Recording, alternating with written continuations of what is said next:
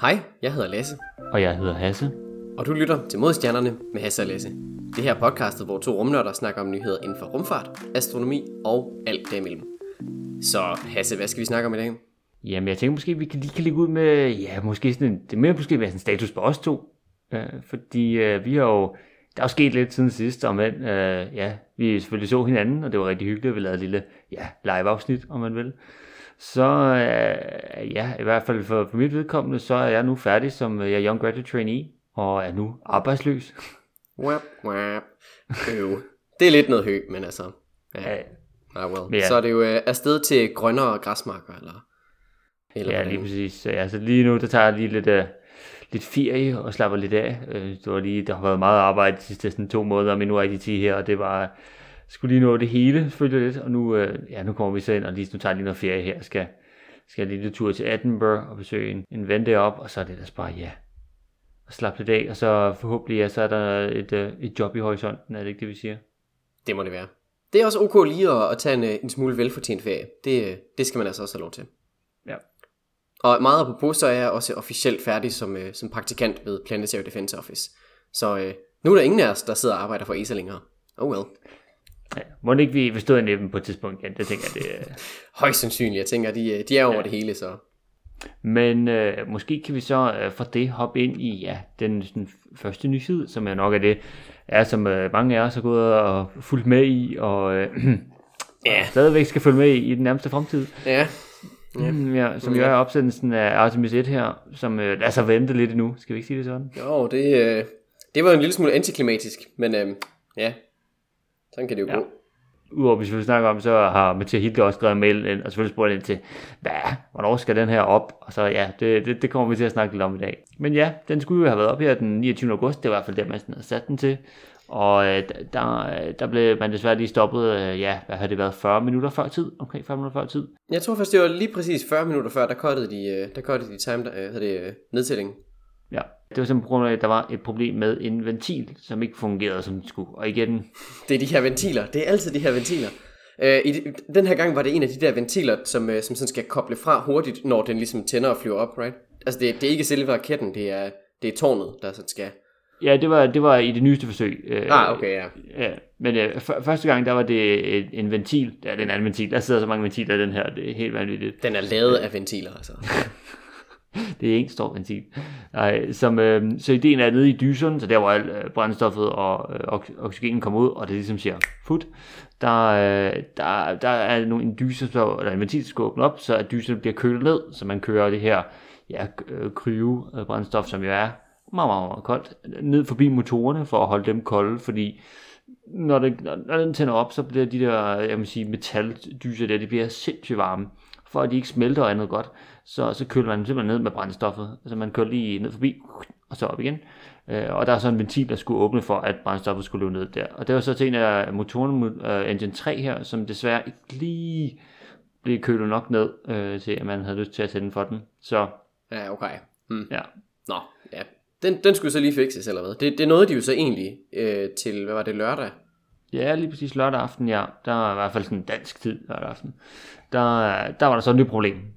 Øhm, og ja, igen, det var lidt i, i det så i det her quick disconnect systemet, hvor der så var en, ja, det var sådan en lækage, altså så der var, det er så, quick disconnect systemet er lidt ligesom navnet antyder, noget der sådan hurtigt skal koble af, som du nævnte før, så når det er sådan, det er det system, som er koblet til øh, raketten, som fylder brændstof i tanken, i hvert fald i første stadiet, og der, øh, der kan man sige, der, når den så kobler af, så øh, når, når man har tændt motorerne, så kommer der sådan nogle kæmpe store metalskjold ned foran, fordi ellers så når, kan man sige, når, når motorerne kommer forbi, og de her dyser, man bare blæser brændstof ud i den anden ende, så vil man sørge for, at de ikke bliver brændt fuldstændig af.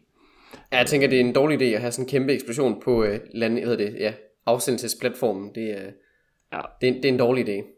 Lige præcis.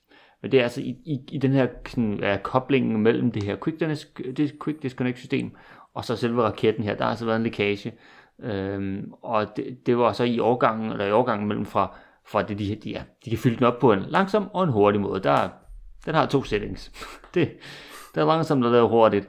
Og, og den hurtige version, der gik det altså lidt galt. Der kunne de simpelthen ikke man sige, holde trykket, så den måde, at man, sige, man, man fylder simpelthen bare den her brændstoftank ind med. Så øh, ja, så kunne de simpelthen holde trykket, og der var så lækage, og de kunne ikke fikse det. De prøvede at fikse det så meget de kunne, øh, man sige, inden for kontrolrummet af, men øh, ja, de må desværre lige nødt til at, at vente lidt på det. Ja, status er nu vel, at de, de prøver at få fikset det her, og hvis de kan få det fikset, så, så bliver den sendt op hvad, øh, en gang her i oktober bliver det, eller er det bare sidst i, øh, i september, hvis de kan få det til at virke? Ja, sidst i september er det, de går efter lige nu. Der har lige været en lille pressekonference her for et par timer siden, hvor de vil sige, de satser på den 23. eller 27. september. Der er to åbninger der. Ja, og ellers hvis de så skal have den tilbage til øh, den der Vehicle Assembly Building, den store bygning, ja. så kommer der til at gå længere tid. Primært fordi det tager meget lang tid at køre den ind og ud igen, og de skal også lige have tid til at faktisk at fikse den og så videre.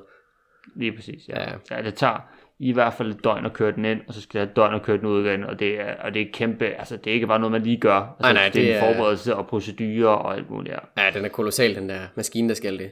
Og er der ikke også noget med, at øh, deres øh, system til at detonere den, i tilfælde af, at det går helt galt, der er en, øh, en vis levetid på det med, at det, det er sådan noget 25 dage eller et eller andet, den maksimalt må stå ude og bare vente.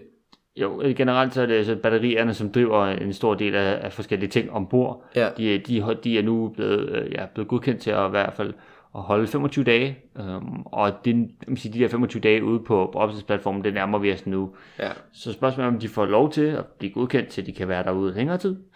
Øh, eller så, ja, så skal de simpelthen tilbage, og så skal de skifte de batterier ud, så de kan blive, øh, blive fyldt op igen. Ja. Ja. ja. Jamen, det er vel lidt øh, en del af hele det der sikkerhedsprocedure der, at øh, hvis, hvis det ligesom ikke er, er godkendt alle sammen, så, øh, så kan ja. der rulle nogle hoveder, hvis, øh, hvis det går galt. Og det er, øh, ja, Lige præcis. Det, det er måske fornuftigt nok at tage den lidt forsigtigt her.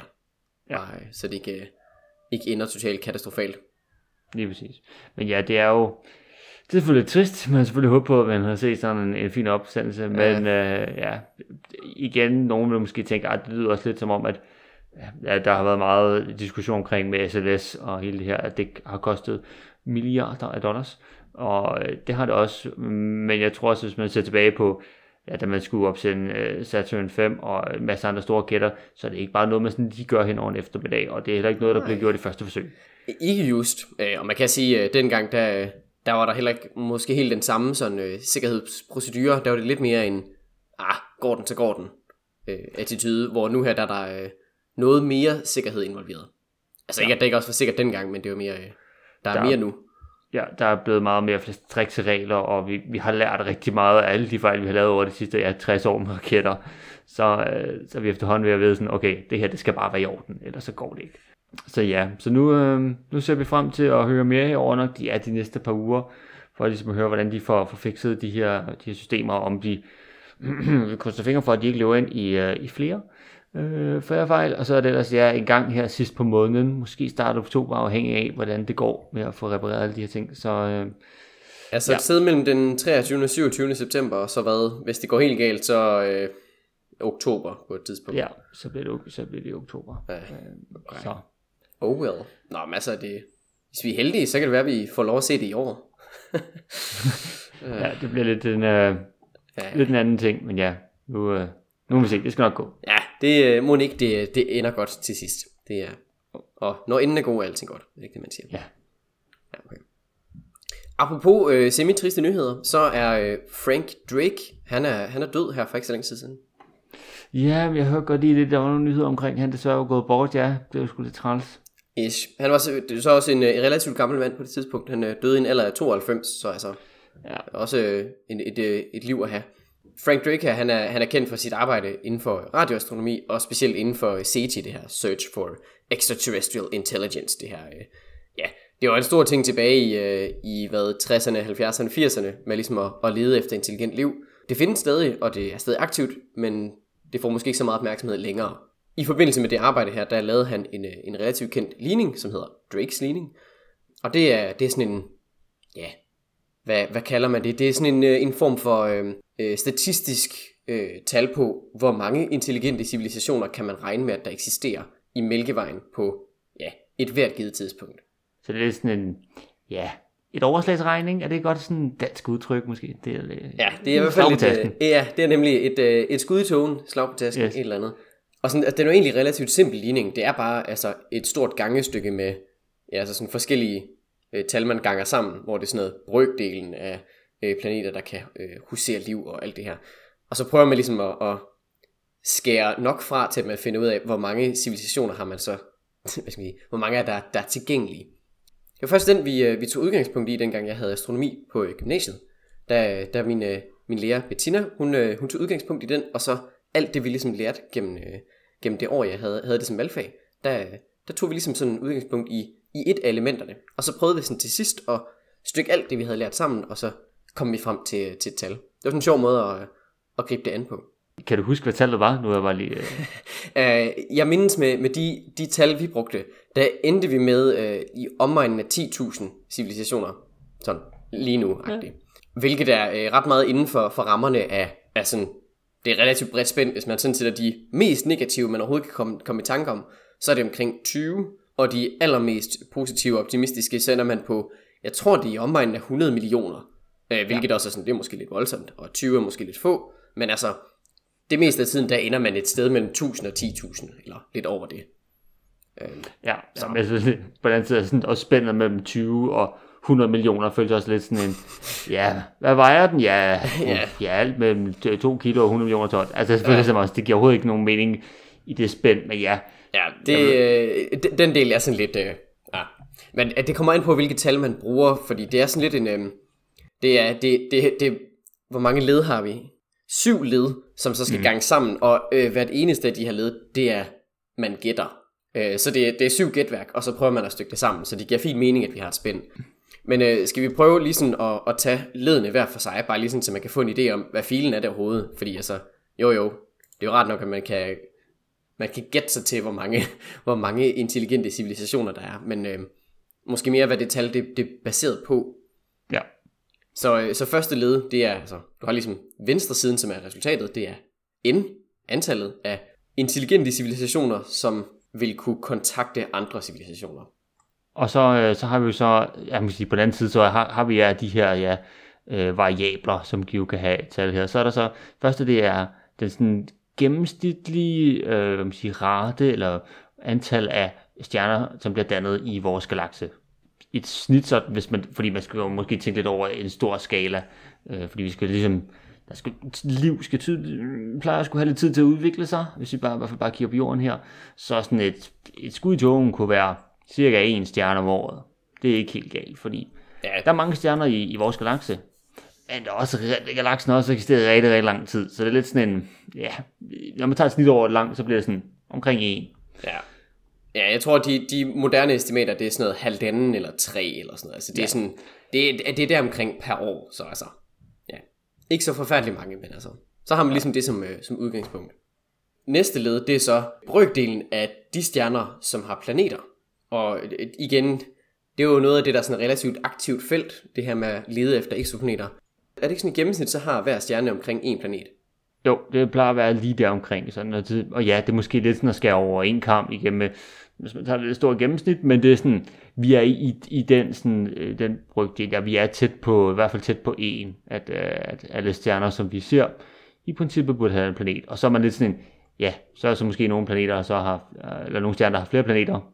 Altså lidt sådan en, ja, det, det kommer jo så til, ja, nærmest i næste led, som jo er, øh, hvad man siger, igen et, et forhold med, at man antallet af planeter, som potentielt kunne have liv øh, per stjerne. Så altså, hvis en stjerne har, lad os sige, øh, fem planeter, hvor mange af, om siger, af dem i gennemsnit øh, vil så kunne have, øh, hvad den hedder, liv omkring deres planet, øh, omkring, eller på, på planeten. Så det er lidt sådan en, ja, ud af de her øh, planeter her, hvor mange af dem vil så kunne cirka om siger, holde liv øh, i gang. Og der, der er den her øh, guldlokzonen, eller hvad det nu er, journalisterne kalder den, den habitable zone, det er, mm. den, den kommer ret meget ind i spil her, med at man ligesom prøver at vurdere, hvor mange vil ligge inde i det her bånd, hvor der kan være flydende vand. Øh, det er selvfølgelig ikke det eneste krav, vi har også det her med, at, øh, at der skal, skal være noget, noget oxygen eller et eller andet, men altså, som udgangspunkt, så er det de, er de sådan store krav, vi som regel stiller, det er vand, fordi det er, ja. det er ligesom basis for livet her på jorden i hvert fald, og vi har ikke så mange øh, andre datapunkter til udgangspunkt i, så altså, næste led, udover altså, når vi nu har brøkdelen af planeter, hvor der kan være liv, så er det så brøkdelen af dem, hvor der så rent faktisk udvikler sig liv den er sådan lidt tricky. Øh, hans, altså Frank Drakes originale gæt var, at det vil være dem alle sammen. Fordi hvis der, hvis der kan udvikle sig liv, så vil der gøre det. Øh, om det så er realistisk, hmm, Ja, den er sådan lidt... man kunne også bare sige en halv. Så er det næsten 50-50. Ja, der, der må man selv om, hvor optimistisk man er, tror jeg. Øh, og det samme med næste led, den er også sådan lidt... Ja, fordi næste led, det er, hvor mange af de her planeter, hvor der så er liv, faktisk også vil udvikle sig til intelligent liv, altså civilisationer, øh, ja, grønne mænd, om man vil, hvad ved jeg. Man vil måske godt kunne udvikle sig liv, men hvis livet kun bliver bitte små øh, bakterier eller sådan noget, så, så er det måske ikke så, så nemt at kontakte andre civilisationer. Så, ja, så det er igen endnu et forhold mellem, altså hvor, hvor mange planeter så af dem så kunne, altså kunne hen og udvikle intelligent liv. Ja, den er jo også sådan lidt... Øh, igen, den er svær at sige noget om, fordi vi har kun jorden som eksempel. Men det er måske ikke urealistisk at forvente, at en stor del af de steder, hvor der er planeter, vil der også udvikle sig komplekst liv. Som udgangspunkt i hvert fald. Om det så bliver intelligent, det er jo så, hvad det er. Men altså, det er så sket her på jorden, og altså, det er ikke fordi, at, øh, at mennesker er de eneste intelligente øh, individer, der har været på jorden. Der har også været øh, neandertalerne og andre. Så altså, man kan godt forestille sig, at det måske ikke er fuldstændig urealistisk. Det er tricky. Ja, den er lidt, øh, den er lidt svær at, at sådan helt øh, gæt på. Øh, Drake han sagde også selv, at det vil være dem alle sammen. Men altså, who knows. Øh, næste led, det næst sidste, det er så øh, brøkdelen af de her civilisationer, som så når så langt i deres udvikling, at de rent faktisk vil lave teknologi, som ligesom kan sende signal ud i, i rummet og kan, kan blive detekteret, eller at de selv søger efter det. Og igen, den er også sådan lidt en, hmm, ja, det, den er svær at sige noget om, tror jeg. Det er en af de, af de mere fluffy. De andre spørgsmål kan man måske stille til biologerne, eller, øh, eller nogle andre, der ligesom har noget med, med, med den slags at gøre. Den her, det er meget en, det er måske antropologi, jeg ved ikke helt. Ja, det, det er nok det, man skal have fat i, for ja. Og det er jo også det, at man skal udvikle teknologien, men man skal måske også have lyst til at, ikke, for mennesker er det måske en naturlig del at sende, begynde at sende signaler ud i rummet, og vi sender Voyager, og jeg skal komme efter dig. Ja. Selvfølgelig, god idé. Se, hvad der sker. Øh, For andre livsformer, måske ikke. Altså, det er, jo, det er jo svært at sige, fordi vi som mennesker er på en eller anden måde naturligt nysgerrige omkring universet, og sådan sådan, ja ja, fuld fart fremad. Det er måske ikke nødvendigvis en ting for øh, andre grønne mænd ude på planeter. Ja, det, øh, ja den, den, er, den er svær at sige noget om. Det, øh, Der tror jeg, at der, er nogle, der kan man lave nogle interessante studier om antropologi, når vi først møder nogle andre. Det, det bliver sikkert øh, vældig spændende. Og så det sidste led, det er jo så længden, øh, eller hvad skal man sige, øh, tidsrummet, hvor de her civilisationer så rent faktisk ville kunne sende signaler ud. Og det, er- altså, det er jo så bare en mængde år. Øh, altså Ja. det kunne være, I don't know, 1000 eller et eller andet. Vi, vi har jo selv været i det her stadie i hvad, 150 måske, det er måske lidt ambitiøst, 100. Ja, sådan lige slag på tasken der omkring, hvor man begynder at sende ja, radiosignaler og sådan noget, som jo så, udover at være på, man siger, her på, på jorden, så bliver de altså også ja, ud gennem atmosfæren ud i rummet. Ja. Og, og ja, sådan deciderede jeg må sige, signaler, som vi sådan har, har lyst til at sende ud, så, ja, så er det sådan noget de sidste 50 år eller sådan noget. Og på menneskeskala, det er jo, det er jo nærmest en levealder. På planetskala er det jo, altså, nanosekunder. Altså det giver jo, det, hvad man sige, på den skala, så giver det jo, så det her ingen tid, at vi har, vil man sige, sendt signaler ud til andre civilisationer. Så igen, det er super svært at sætte et specifikt tal på, hvad det kan være. Øh, Vi kunne gøre det på, det har så taget, hvad ved jeg, mennesker de sidste 10.000 år at komme hertil, og så har vi lige så udviklet os sindssygt meget de sidste 50 år. Om det gør det samme for andre civilisationer, det, det er sgu svært at sige. Ja, også om, altså, der har været begivenheder i menneskehedens historie, som måske også har bragt os lidt tilbage. Altså, øh, den sorte død i Europa har nok øh, skubbet tingene lidt øh, enten negativt eller positivt, afhængig af hvem man spørger. Og biblioteket ved Alexandria har måske også huset et eller andet vigtigt, eller Romeriets fald, who knows. Altså sådan, historien kan jo også godt have, have store øh, påvirkninger sådan på, hvor langt man ellers ville have nået. Ah, den, er, den er sgu tricky. Den, øh, det, det er nok, øh, de, de sidste her, det, det er dem, hvor det sådan, der bliver det meget fluffy. Øh, ja. De første par tallene, det er ret let, og sådan, okay let, det er, øh, det er lettere at gisne om, netop fordi det er, det er et tal, altså antallet af stjerner, der bliver dannet, det er sådan, det burde man kunne, kunne, øh, kunne komme frem til på en eller anden led. De andre tal er lidt mere end, mm, ja, der må man øh, stikke en finger i jorden og så mærke efter, hvad, hvad føles rigtigt.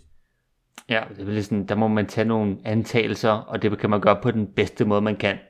Og det, ja, det er lidt svært. Ja. Men ja, det er simpelthen alle ledene. Der er 1, 2, 3, 4, 5, 6, 7. Og så får man til sidst et tal ud. Og øh, jeg, jeg prøvede lige nogle sådan, øh, bare de tal, vi sådan har, har nævnt her. Jeg var en lille smule optimistisk, og så sagde jeg tre stjerner om året, øh, der bliver dannet i Mælkevejen. Og at det så er alle, der, der, har, der har planeter, og det cirka er tre af de planeter, der der vil have, have liv om sig. Øh, og så ender vi med lige omegnen af 1800 civilisationer på et hvert givet tidspunkt. Og det lyder okay. jo umiddelbart som øh, ret mange, altså 1800 øh, civilisationer rundt omkring i Mælkevejen. Det er ret godt. Ja. Om det er så realistisk, det aner vi ikke. Altså, indtil videre så er der en. Jeg kan i hvert fald fortælle. Ja, ja vi, har, vi har et eksempel.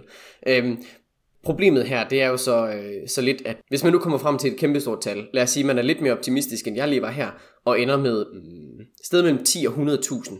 Det er jo ret mange. Altså, altså, Mælkevejen er en stor galakse jo bevares, men altså, er den så stor?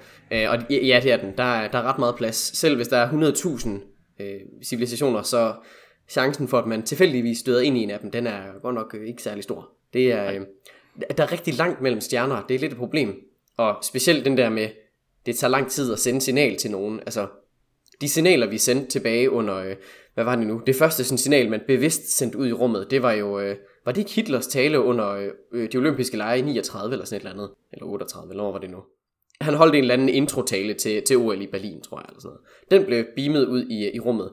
Altså, den, den har jo knap nok noget ud for sådan det lokale nabolag af stjerner, så altså, det, øh, ja, ja, hvad har den rejst nu i, i 80 år, så altså, det, ja. det, det er ikke særlig langt. Altså 80 lysår er, det er kun lige sådan i, i det omkringliggende nabolag. Altså det er, ikke, det er nok ikke særlig langt det her. Så.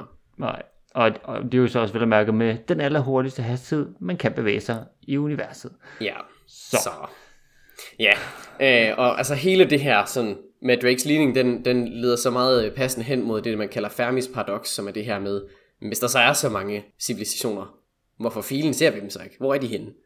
Ja. Øh, og det, øh, der er mange forskellige løsninger øh, på det her paradoks, hvorfor vi ikke ser dem, og det øh, øh, nok den sådan mest oplagte, det er, at øh, universet er kæmpe, kæmpe stort. Og øh, det sælger det, den stopper for, hvor mange man sådan aktivt møde, øh, møder.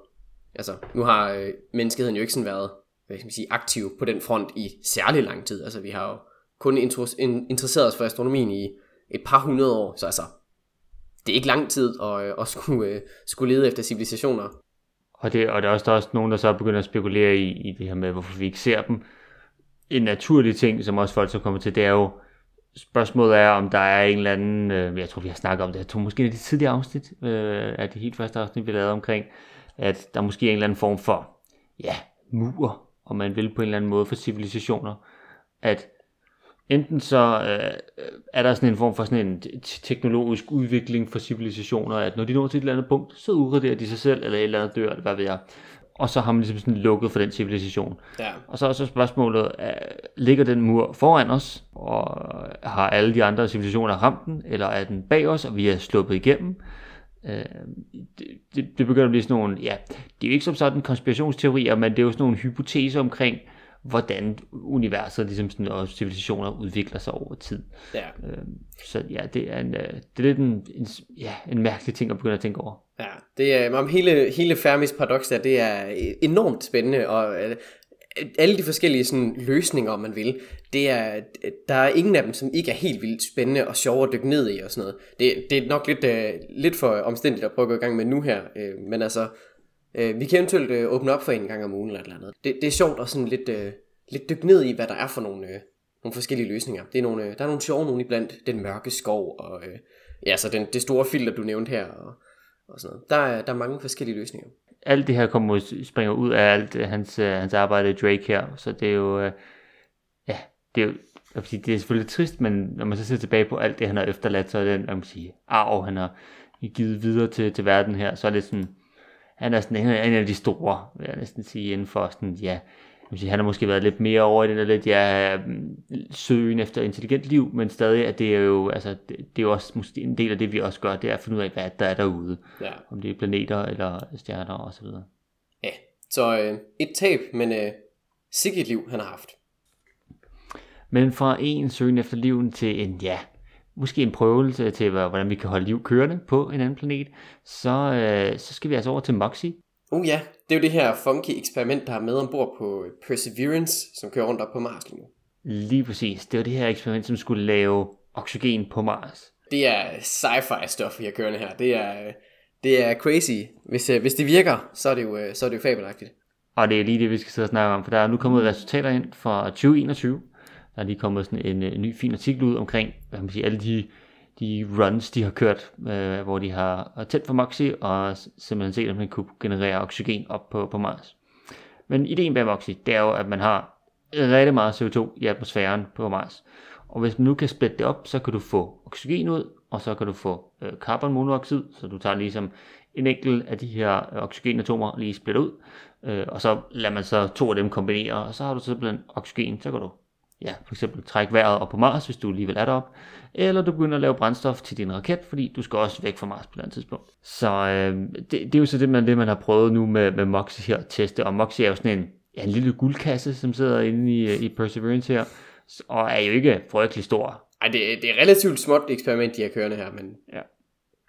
Sådan, for at forholde sig lidt til det, omkring sådan en skotøjsæske, eller sådan en skoæske, det er sådan, vi er i, vi er den størrelse, vi er ikke i en kæmpe stor, øh, stor maskine her. Men ideen er så, at man simpelthen tager øh, luft ind fra Mars atmosfære. Der er selvfølgelig et filter i, som ikke lige får masse støv. Andet godt. Ja, jeg skulle lige, bare... uh, Mars sand er måske ikke sådan helt vildt fedt at få, uh, få ind ja. i indenbords. Og så tager man simpelthen luften ind, og så varmer man det så op til cirka 800 grader Celsius. Så pænt crispy. Ja, det skal jeg love for. Hvor, hvor, hvor, hvor får de de temperaturer fra? Er det uh, RTG'en, eller? Øh, nej, det, så der sidder sådan nogle små varmeelementer inde i, som ja. varmer. Altså, det er jo... Ja, det er vel ret, det er vel ret små øh, overflader, tænker jeg. Ja, meget, meget, meget, meget små. Ja, altså, det er, det er simpelthen bare det, er, det er en lille billede sådan overflade her, hvor der så bliver varmet meget, meget hårdt op. Og så lader man så det her varme, varme luft løbe hen over en, ja, en katode, øh, som er lavet af nikkel. Og det er så der, der så sker et, et split i, i den her øh, CO2, så CO2 kommer så ud til oxygen, og så til carbonmonoxid, så ja. CO. Okay, og er det så lykkedes, eller hvordan?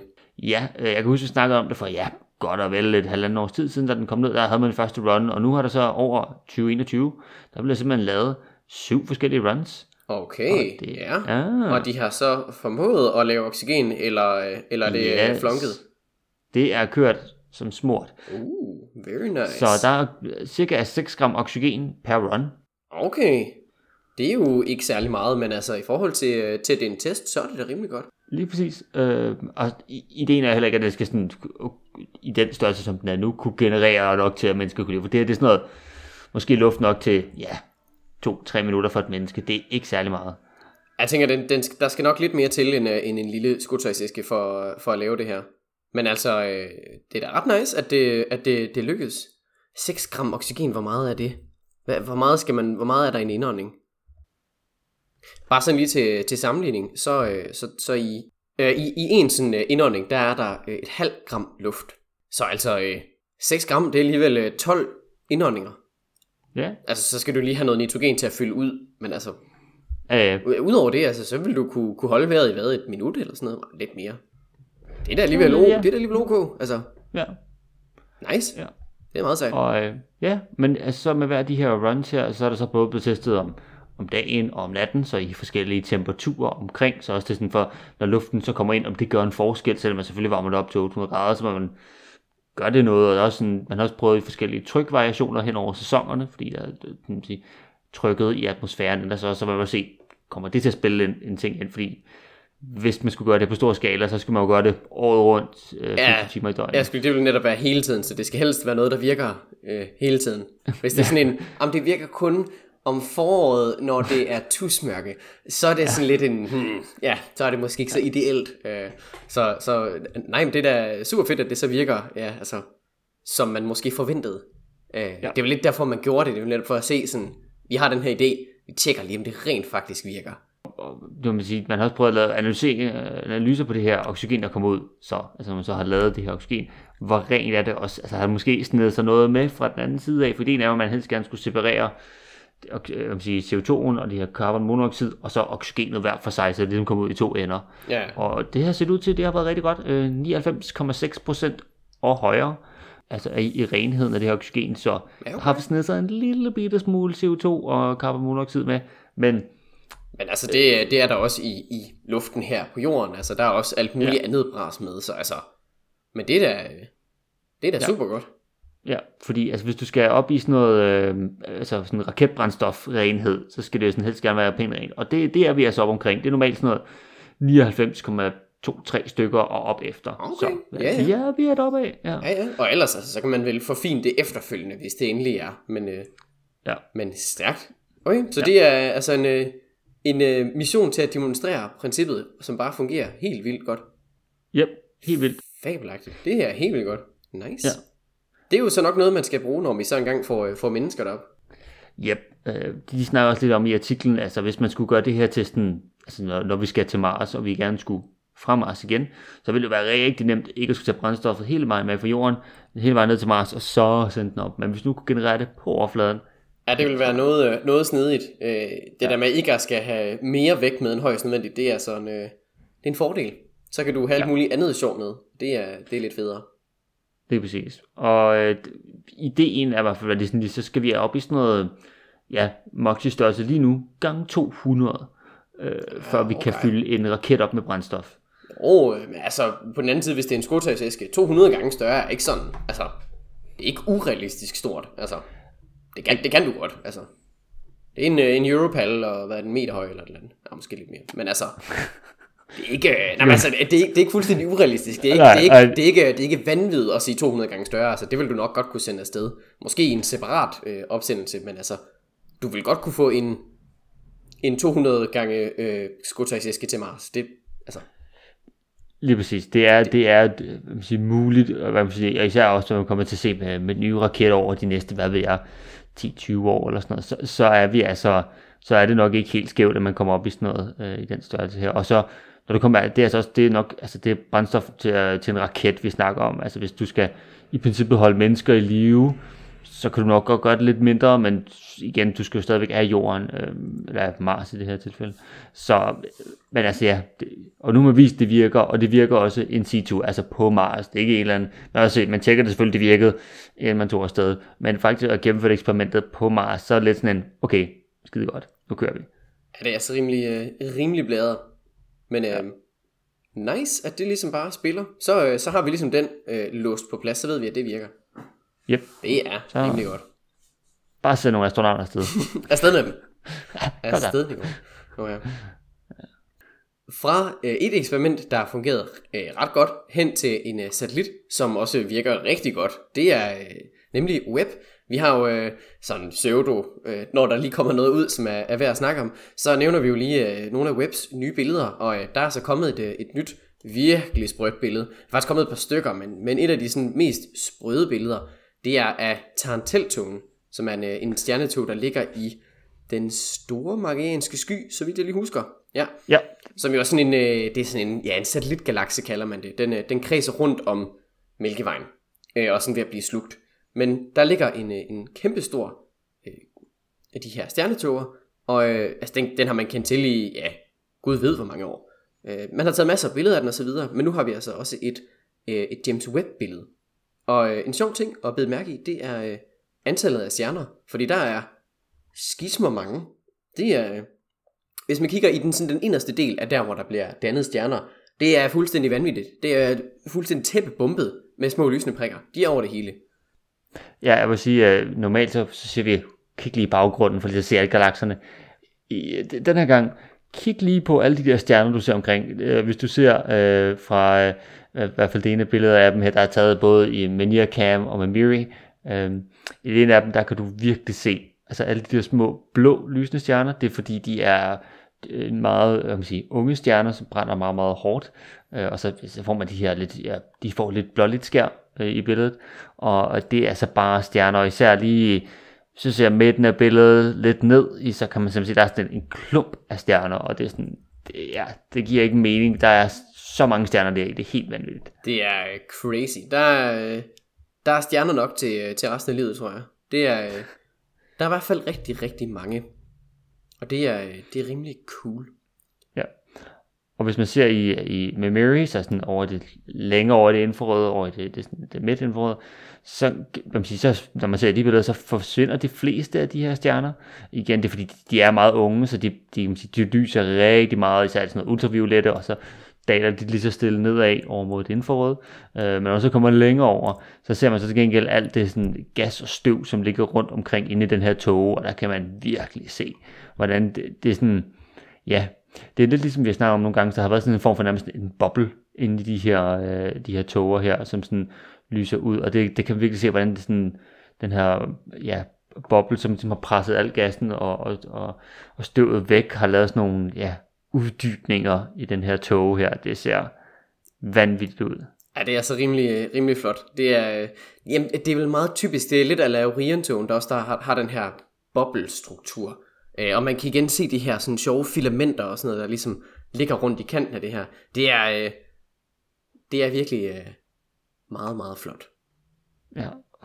Øh, Udover øh, det her billede af Taranteltogen, så er der altså også et øh, billede af øh, M87, ah, 84, ah, ej, undskyld, 74, 74, ja. skal lige øh, have vores, øh, vores messier-objekter øh, på plads. Øh, det, er, det er nogle gange kaldt Fantomgalaksen. Øh, der er også blevet taget et billede af den, og øh, det ser også meget, meget sejt ud. Det, er, det ser super cool ud. Bare sådan billedet selv er, er vanvittigt. Det, det, ja, da jeg så det, var lidt sådan, det føles lidt som det er starten på en eller anden filmsekvens, altså fordi sådan, det ser ud som, det, det roterer, når man ser ind sådan ja, det er, igennem billedet. Det er crazy. Det er, det er meget funky. Ja. Det, det, det, et sejt billede i sig selv. Bare når man ser det, så ser det cool ud. Det er, ja. ja. Hvis ikke I har gjort det selv den tjeneste endnu, så øh, find lige alle James Webbs billeder, og så øh, print dem ud og hæng dem op på jeres væg. Det er, øh, ja. det er meget flot. Ellers så kan jeg også øh, varmt anbefale, at hvis man for eksempel kører på en maskine, der har Windows, så kan man øh, tage James Webb-billederne, lægge dem ind i en mappe, og så kan man bede Windows om at skifte ens øh, hvad man siger, baggrundsbillede øh, øh, fra en bestemt mappe af. Og så, sådan, så, så starter du din computer næste dag, og så er det et nyt billede fra, fra, fra James Webb af her. Og selvfølgelig et Hubble-billede af, så det er også meget cool. Men måske bare James Webb, og så kan du sådan få et nyt James Webb-billede ind. Og så en gang imellem, så kan du lige huske at fylde nogle flere billeder i, og så får du altid sådan en, en opdateret og en, og en ny måde at se uh, James Webbs billeder på. Så det er en god lille anbefaling. Det er, det er en god idé. Og ellers så uh, pauseskærm er også uh, oplagt, hvis man, uh, hvis man er til den slags. Og med det, så tror jeg ikke, vi har så meget mere til jer for den her gang. Så jeg vil bare sige tak, fordi I lyttede med. Hvis I har ris, ros, ting vi skal snakke om, gode spørgsmål, eller øh, billeder du selv har taget af Fantomgalaksen eller noget af den stil, så øh, send det til os i en mail på modstjernerne, gmail.com. Du kan selvfølgelig også øh, slide into our DM's ind på Instagram, hvor du selvfølgelig også skal følge os. Og øh, så kan du selvfølgelig følge podcastet på din yndlingspodcast tjeneste. Vi snakkes ved næste gang.